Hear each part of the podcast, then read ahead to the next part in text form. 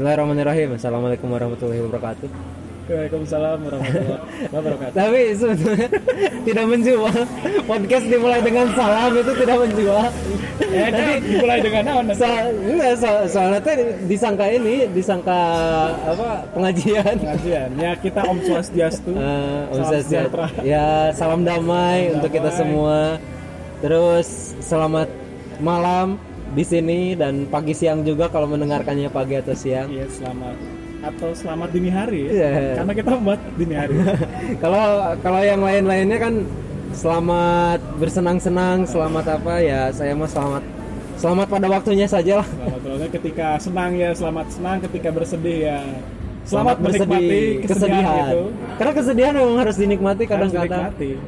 Kalau sedih sedih tidak dinikmati akhirnya kan jadi percuma ya. Ya percuma. Anda tidak sedih lagi Iya. kalau tidak Apalagi kalau sedih mendengarkan podcast semacam ini sudah sudah tidak berguna kesedihannya mendengarkan hal yang tidak berguna juga. Buang-buang waktu Anda. Hei, yang mendengarkan. Hai, kaum iya iya.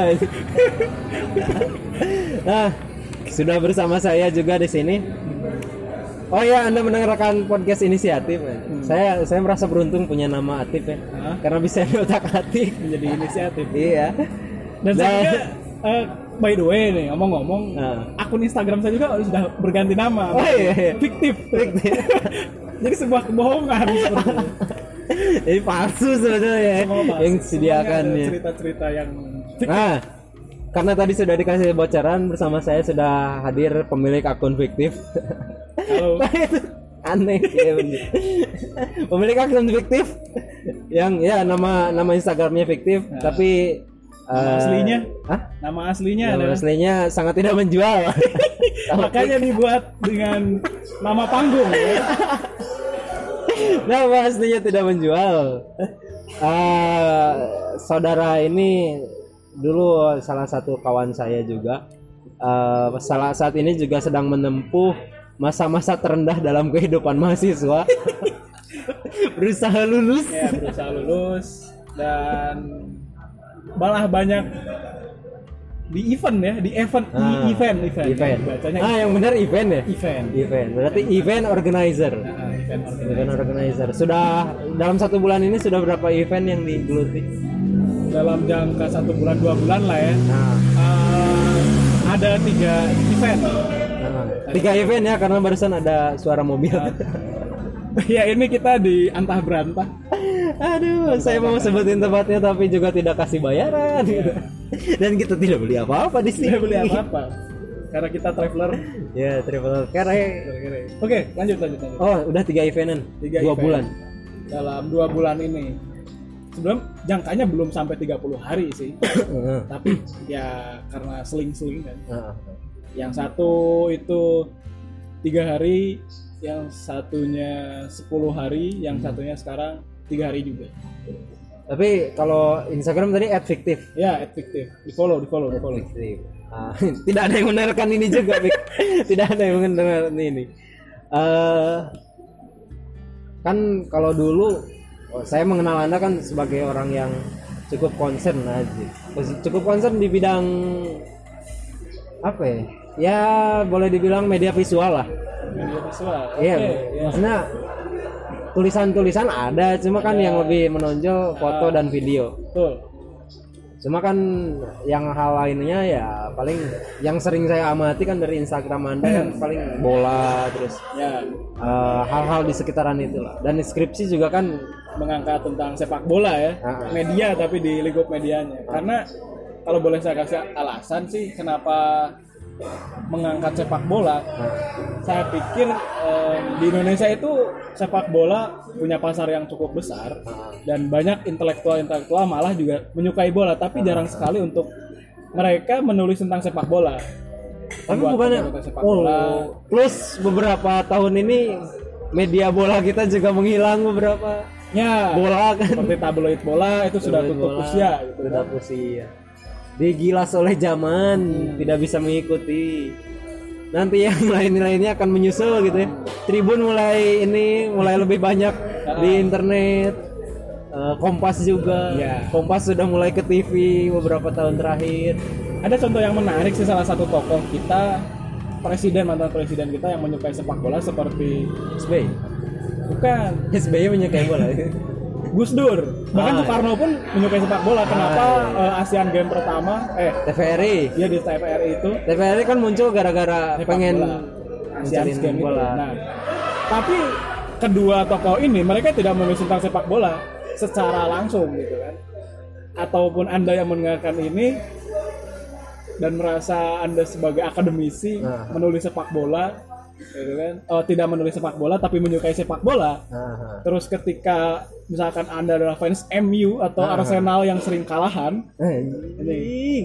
kalian cuma misuh-misuh. intensinya gitu ya kan. Nah. kurang enak ya kalian cuma misuh-misuh tidak jelas, tidak berguna, update di Twitter, update di Instagram, misuh-misuh MU kalah Arsenal kalah, Ah. tidak berguna. Nah, oh itu tidak berguna Tidak ya? berguna dong. Tidak berguna. Mending membuat konten tidak tidak ada tulisan. analisi tidak ada, ada analisa tidak ada sisi apa ya komparasi Iya.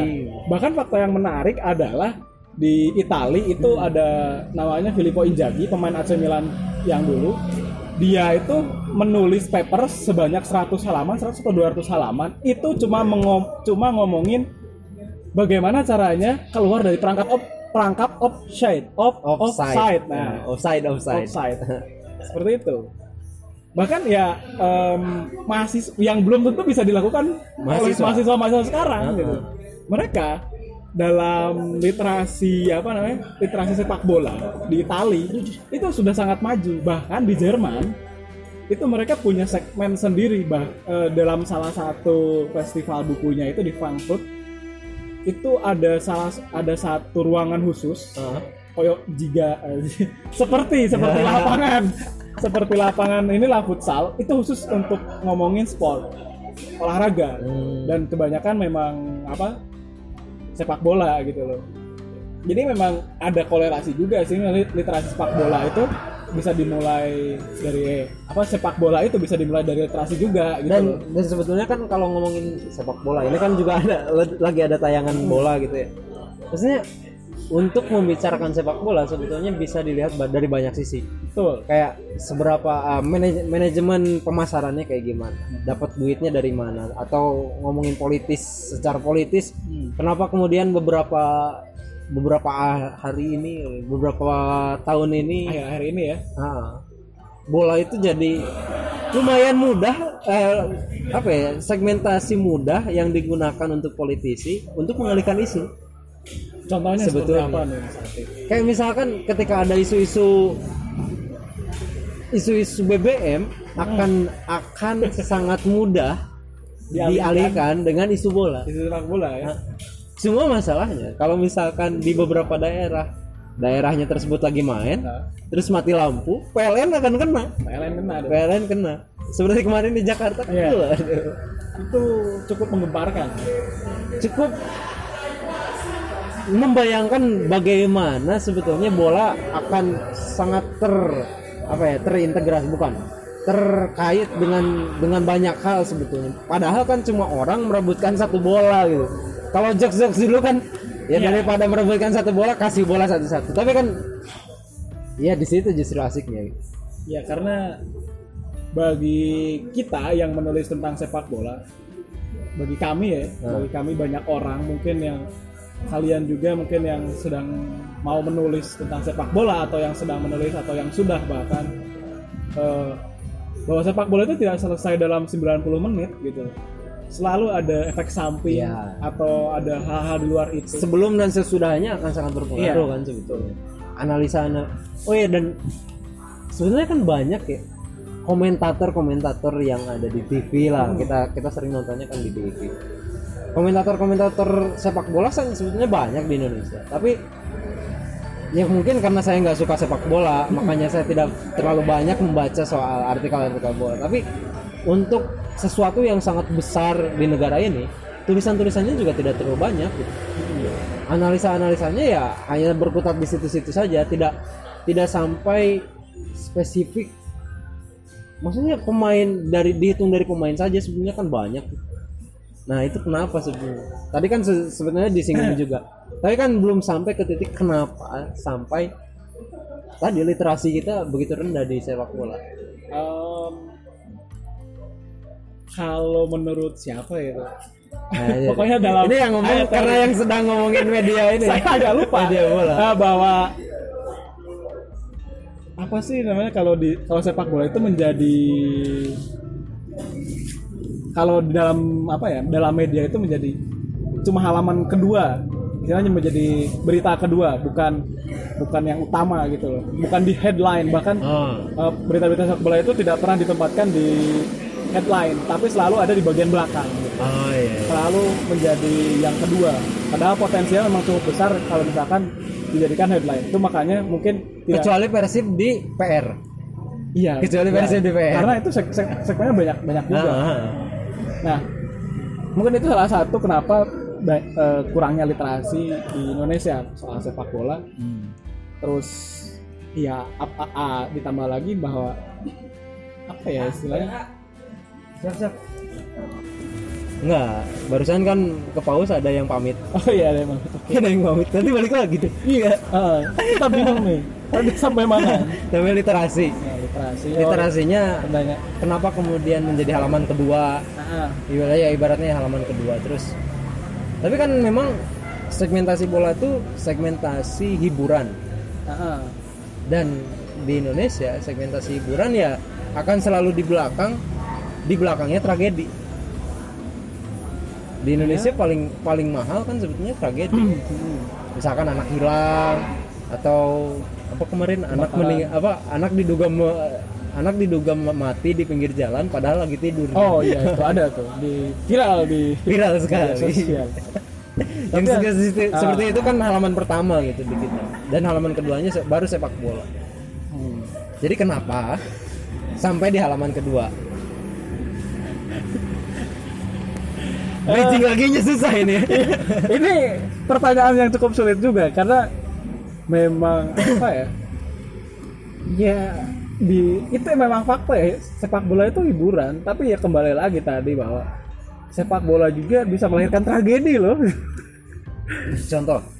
Eh, seperti di Yogyakarta itu ketika PSM melawan Persis Solo dulu Hmm. itu pernah ada tragedi yo kerusuhan di Stadion Mandala Krida itu. Dan itu baru masuk ke halaman pertama.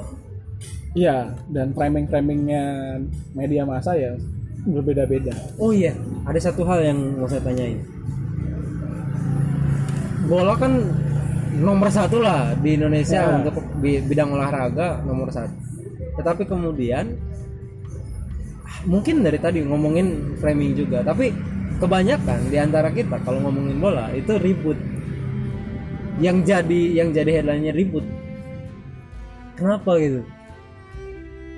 Kenapa kemudian ya tadi mungkin salah satu ininya kan yang jelas karena tragedi halaman pertamanya. Dan ketika ada bola di halaman kedua ketika bola memiliki tragedi sama dengan halaman per- halaman pertama gitu. Tapi kemudian kenapa kita punya sudut pandang yang ngelihat kalau bola itu ya ribut di Indonesia? Ya. kalau di luar kan saya nggak tahu. Pertama nggak tahu yang kedua kan jarang gitu. Orang di luar oh bola bagaimana kalau ribut tidak. Ya di Indonesia itu cukup kental dengan rivalitas ya. bahkan satu kota mungkin di- tidak hanya di Indonesia tapi sebenarnya di luar pun ada gitu. Rivalitas seperti itu seperti di MU MU dengan Man City itu punya rivalitas itu. Terus Everton dengan Liverpool punya rivalitas Chelsea dengan Arsenal punya rivalitas juga. Derby ya derby London derby London derby Merseyside derby Manchester. Seperti itu ada gitu cuma yang yang menjadi sorotan di Indonesia adalah bagaimana rivalitas ini bukan menjadikan mereka mem- membangun dirinya tapi menghancurkan dirinya ya nggak? Persatuan. iya menghancurkan persatuan padahal ya Indonesia terkenal gotong royong tapi Ah. ketika sudah menyangkut nah itu bentuk gotong royong untuk melawan musuh ya apa ya bentuknya mereka mungkin ngomongin harga diri karena right ya.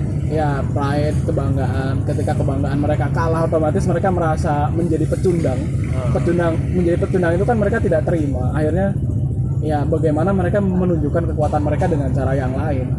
Atau mungkin bahkan yang menjadi em, apa ya salah kaprah adalah sistem sendiri sistem sistem sepak bola Indonesia sendiri memang sudah bobrok gitu loh. Kita kita tidak bisa hanya menyalahkan para supporter juga di sini. Para supporter yang mendukung tim kesayangan mereka terus ribut ketika kalah itu tidak sepenuhnya bisa kita lempar ke mereka. Tapi sistem sepak bola Indonesia juga ya itu sangat berpengaruh. Bagaimana ketika PSSI-nya sendiri yang menaungi sepak bola Indonesia ini di dalamnya pun ya bobrok gitu tanggung jawab untuk meningkatkan literasi. Itu kan berarti ada juga berarti. Ada pertanyaannya tanggung jawabnya sebenarnya di siapa? Tanggung jawabnya sih ya kalau misalkan kita sebagai akademisi kita melakukan penelitian itu sudah sebagai apa ya sumbang sih gitu loh. Melakukan misalkan ada apa sih kalau saya sendiri di ilmu komunikasi kita bisa menulis soal apa namanya framing media seperti apa ketika pemberitaan. Misalkan dibandingkan tiga media cetak atau tiga media online seperti apa. Nanti itu akan berbeda sangat berbeda sekali kepentingan mereka. Jelas. Apakah mereka berpihak kepada kepolisian kepada supporternya apa apa salah satu kubu ataukah mereka ada usaha untuk mendamaikan gitu. Itu kan menjadi salah satu apa namanya literasi juga. Bahkan pernah ada kasus itu eh, Solo Pos itu diprotes oleh supporternya mana ya itu? Versi Solo kalau tidak salah karena tidak sesuai dengan apa yang terjadi di lapangan gitu loh. Makanya itu kantornya digeruduk kalau tidak salah. Tahun berapa itu? Saya lupa. Serasa tahun 90-an Ya, ke ya. sana ya. Kantor media itu. digeruduk. Cuma oleh masyarakat sekarang di pause dulu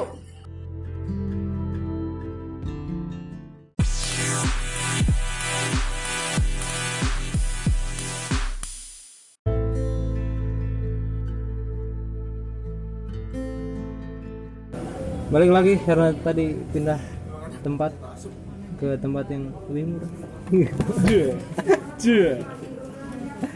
Ya karena ngomongin sepak bola tadi juga.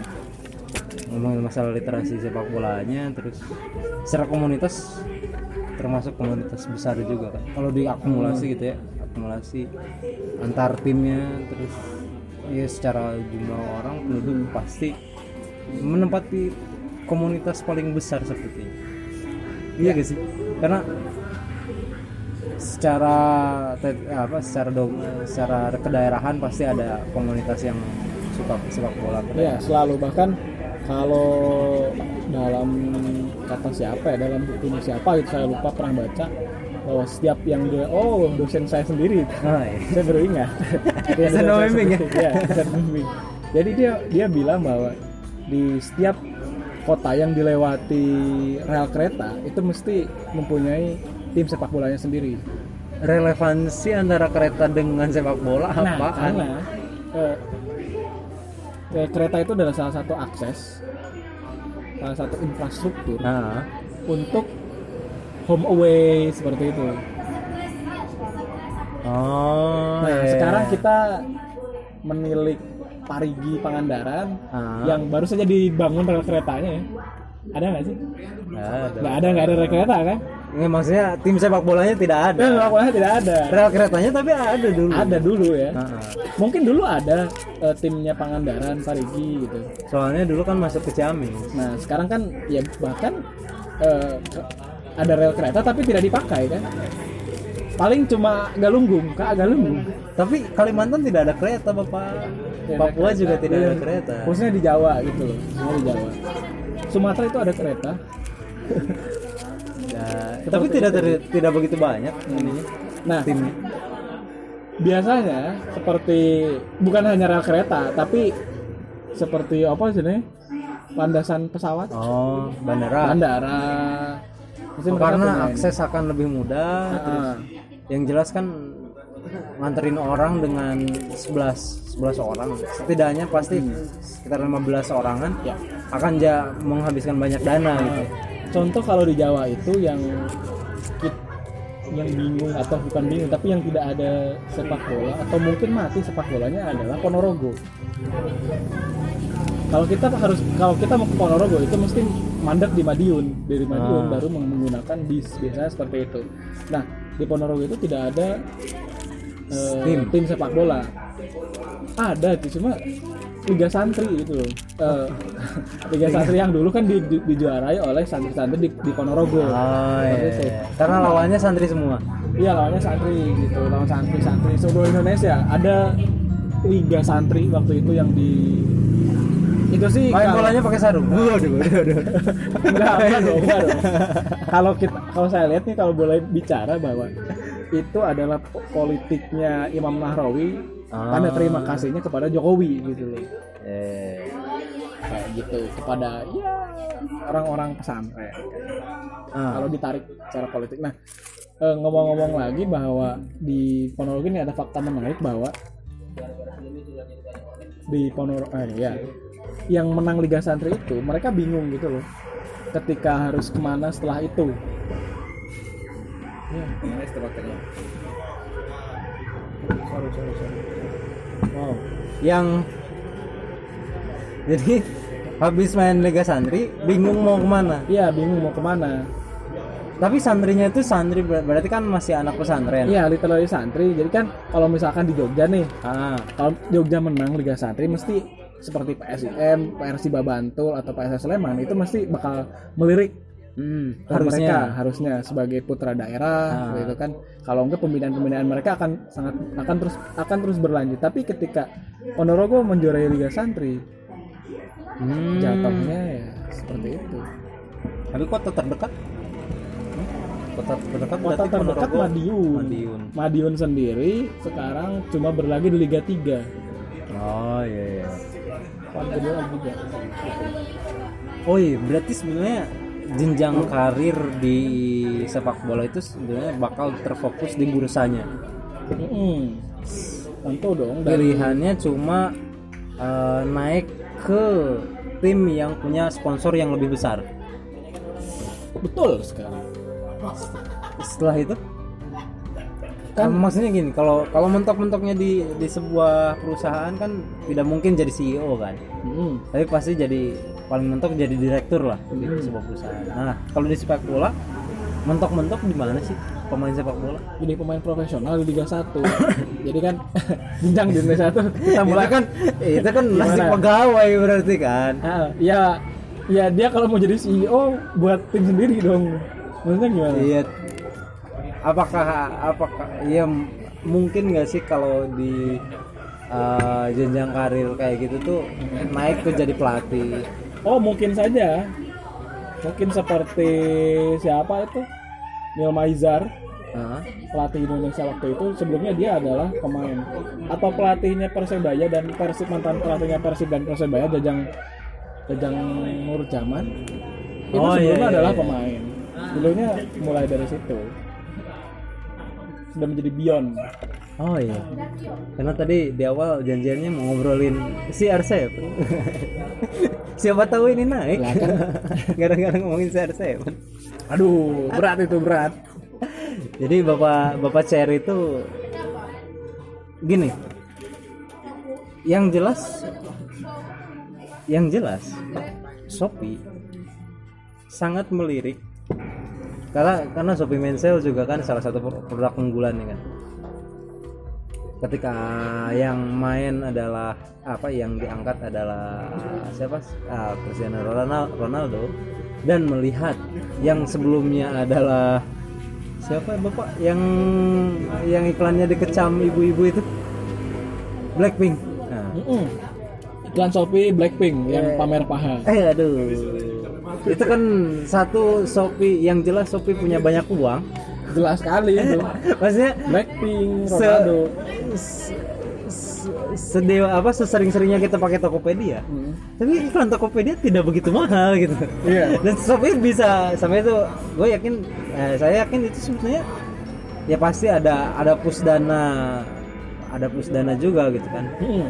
Eh, karena kan mainannya mainannya sa- iya ngepet istilahnya kan ngepet ngepet digital sekarang gitu. Digital. Ya itu minjem dana puterin di ini.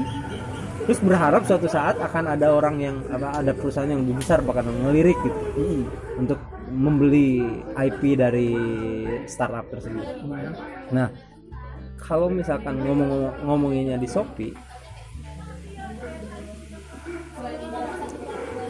kalau Shopee-nya udah jelas tapi menurut anda sebagai pengamat sepak bola apa keuntungan Cristiano Ronaldo?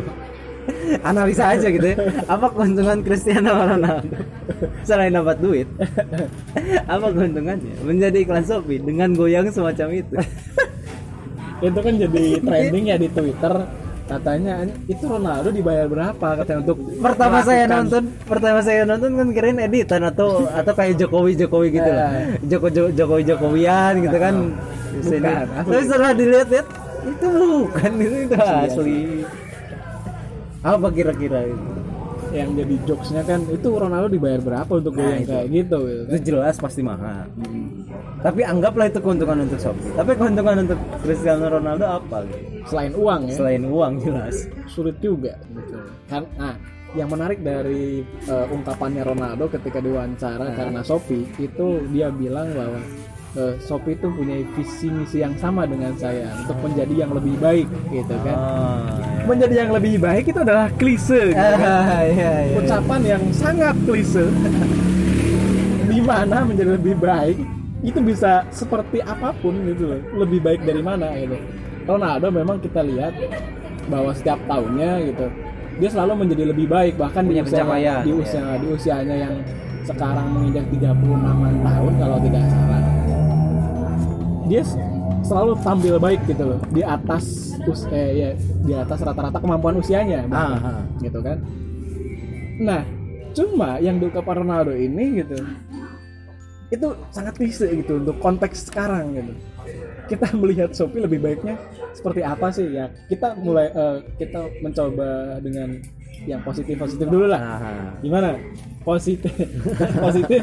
Kita melihat Shopee lebih baik dari mana nih karena dari warna terlalu ngejreng untuk jualan Jalan betul sekali saya setuju dengan warna orange dengan warna orange terus putih yang kayak gitu ya ini nanti dituntut sama Shopee nya Maksudnya Shopee, Shopee bagus, Shopee bagus. Shopee bagus, Shopee bagus. Saya cinta Shopee.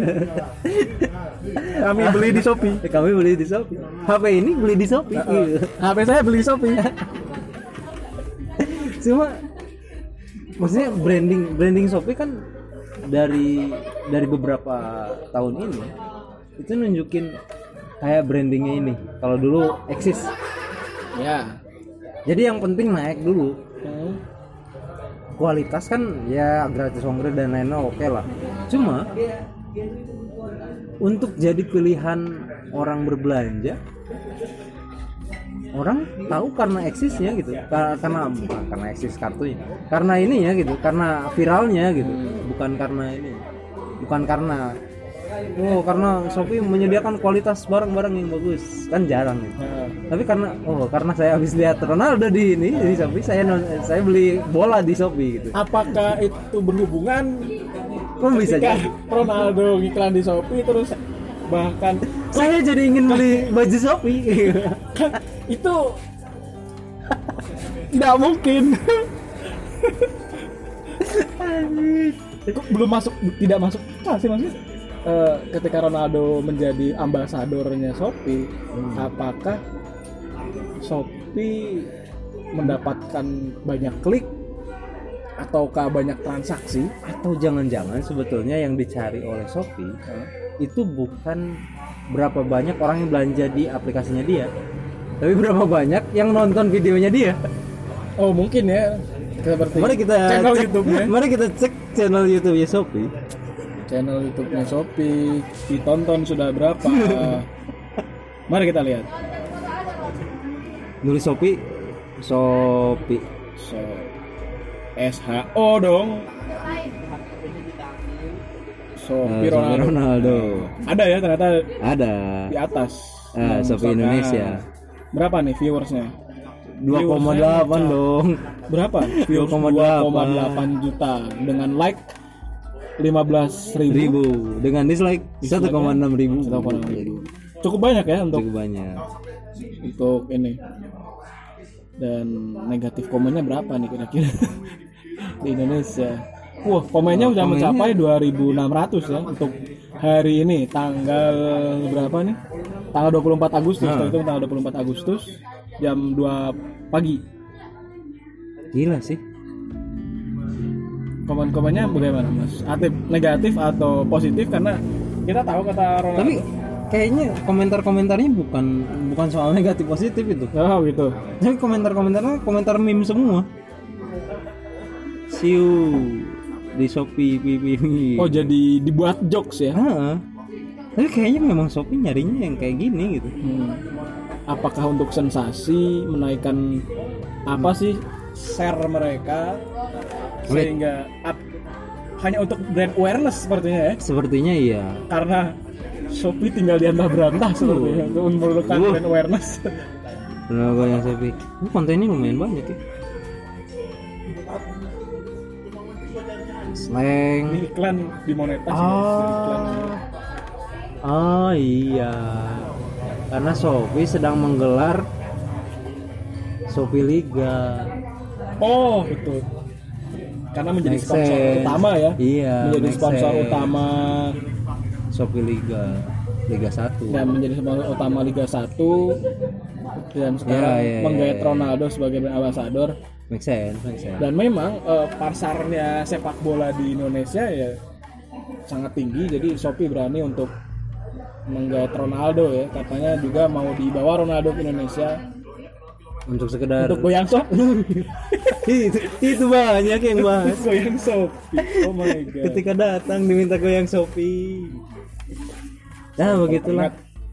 Cuma yang yang sebenarnya mungkin akan akan dibahas lagi eh, kapan-kapan.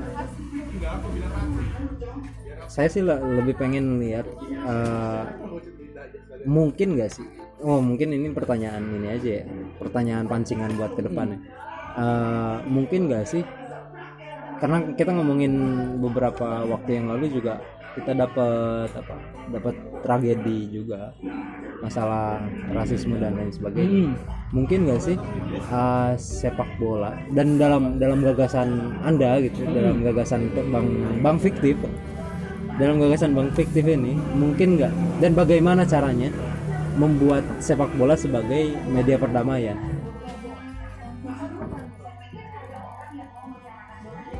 Udah kan enggak dong Oh, itu harus dijawab, dong harus jawab sekarang. ini bukan YouTube dong oh katanya eh, di part selanjutnya Oh, tidak dong, tidak, tidak. dijawab ya Nah, Oke. Menjadi menarik sih ketika dibilang bahwa sepak bola jadi media perdamaian. Sebenarnya itu sudah sangat nampak sebagai media perdamaian di mana eh, eh, sepak bola sendiri selalu membi- selalu menggaungkan noras norasialis Ah. ya kalau tidak salah. Bahkan di Liga Champions seperti itu. Tapi memang ketika ada rasisme rasisme di sepak bola itu selalu dijadikan oknum. Tapi kita kalau ngomong oknum itu terlalu naif nggak sih? Maksudnya gini secara, secara ini ya secara praktis ketika ini teman-teman ada yang di SMK Bakti Karya yang dari Papua. Obrolan yang paling pertama kali nyambung adalah saya cinta buah salosa oh gitu. Ya itu itu kayak magic gitu. Hmm. sebetulnya mungkin yang harusnya kita yang harusnya gitu. Kalau dari gua nih baru kepikirannya mungkin harusnya memperbanyak penokohan-penokohan gitu. Bukan apa ya kayak kita membuat sosok-sosok yang bisa mewakili mewakili baiknya sepak bola dari tiap daerah jadi tidak tidak hanya dibuat strategi untuk mendapatkan pemain terbaik tapi mendapatkan brand ambassador bola terbaik dari tiap daerah.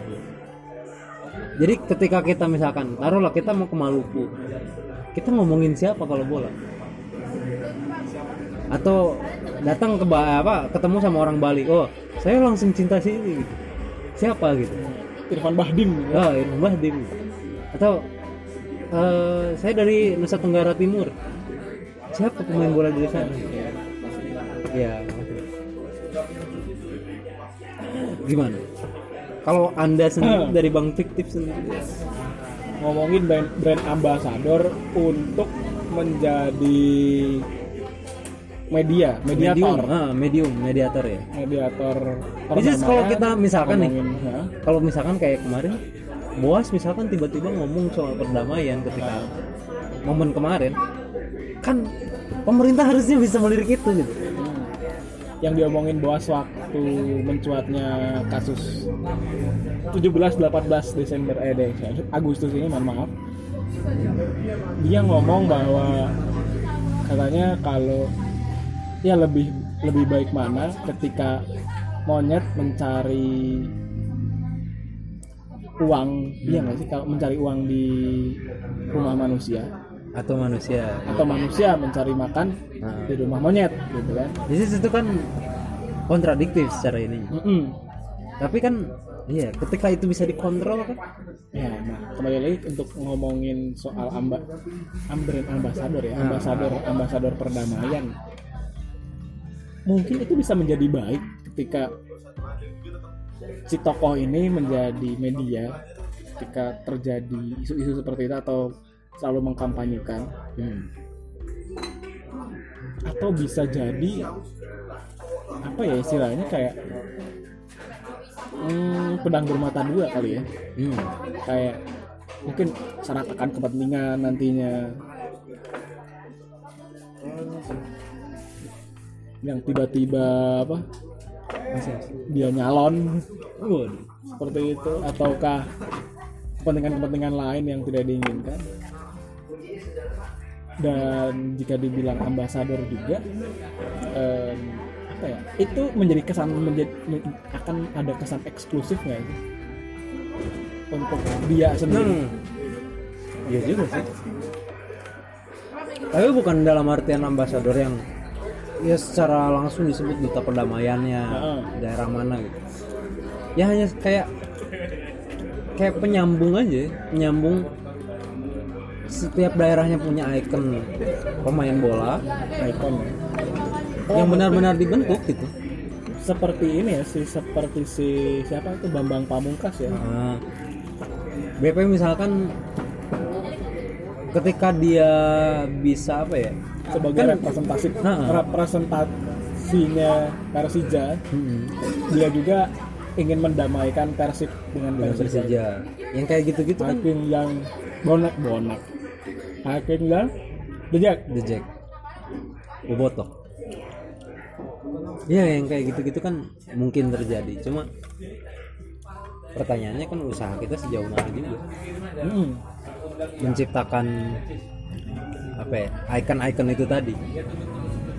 Dan sejauh ini kan ya berapa sih pemain bola kita yang nyampe terkenal ke orang awam ya ke orang bukan ke orang awam ke orang yang awam di bidang bola di sepak bola. Tidak begitu banyak. Yang udah banyak sebut cuma kayak BP bawa Salosa konten legend. Ya. Siapa? Irwan Bahdi. Irfan Bahdim sisanya tidak di tidak dimunculkan sebagai sosok yang penting gitu. hmm. yang saya ingat dulu pernah ada pemain Atep tuh. itu itu doang karena dekat dengan nama saya terima kasih assalamualaikum warahmatullahi wabarakatuh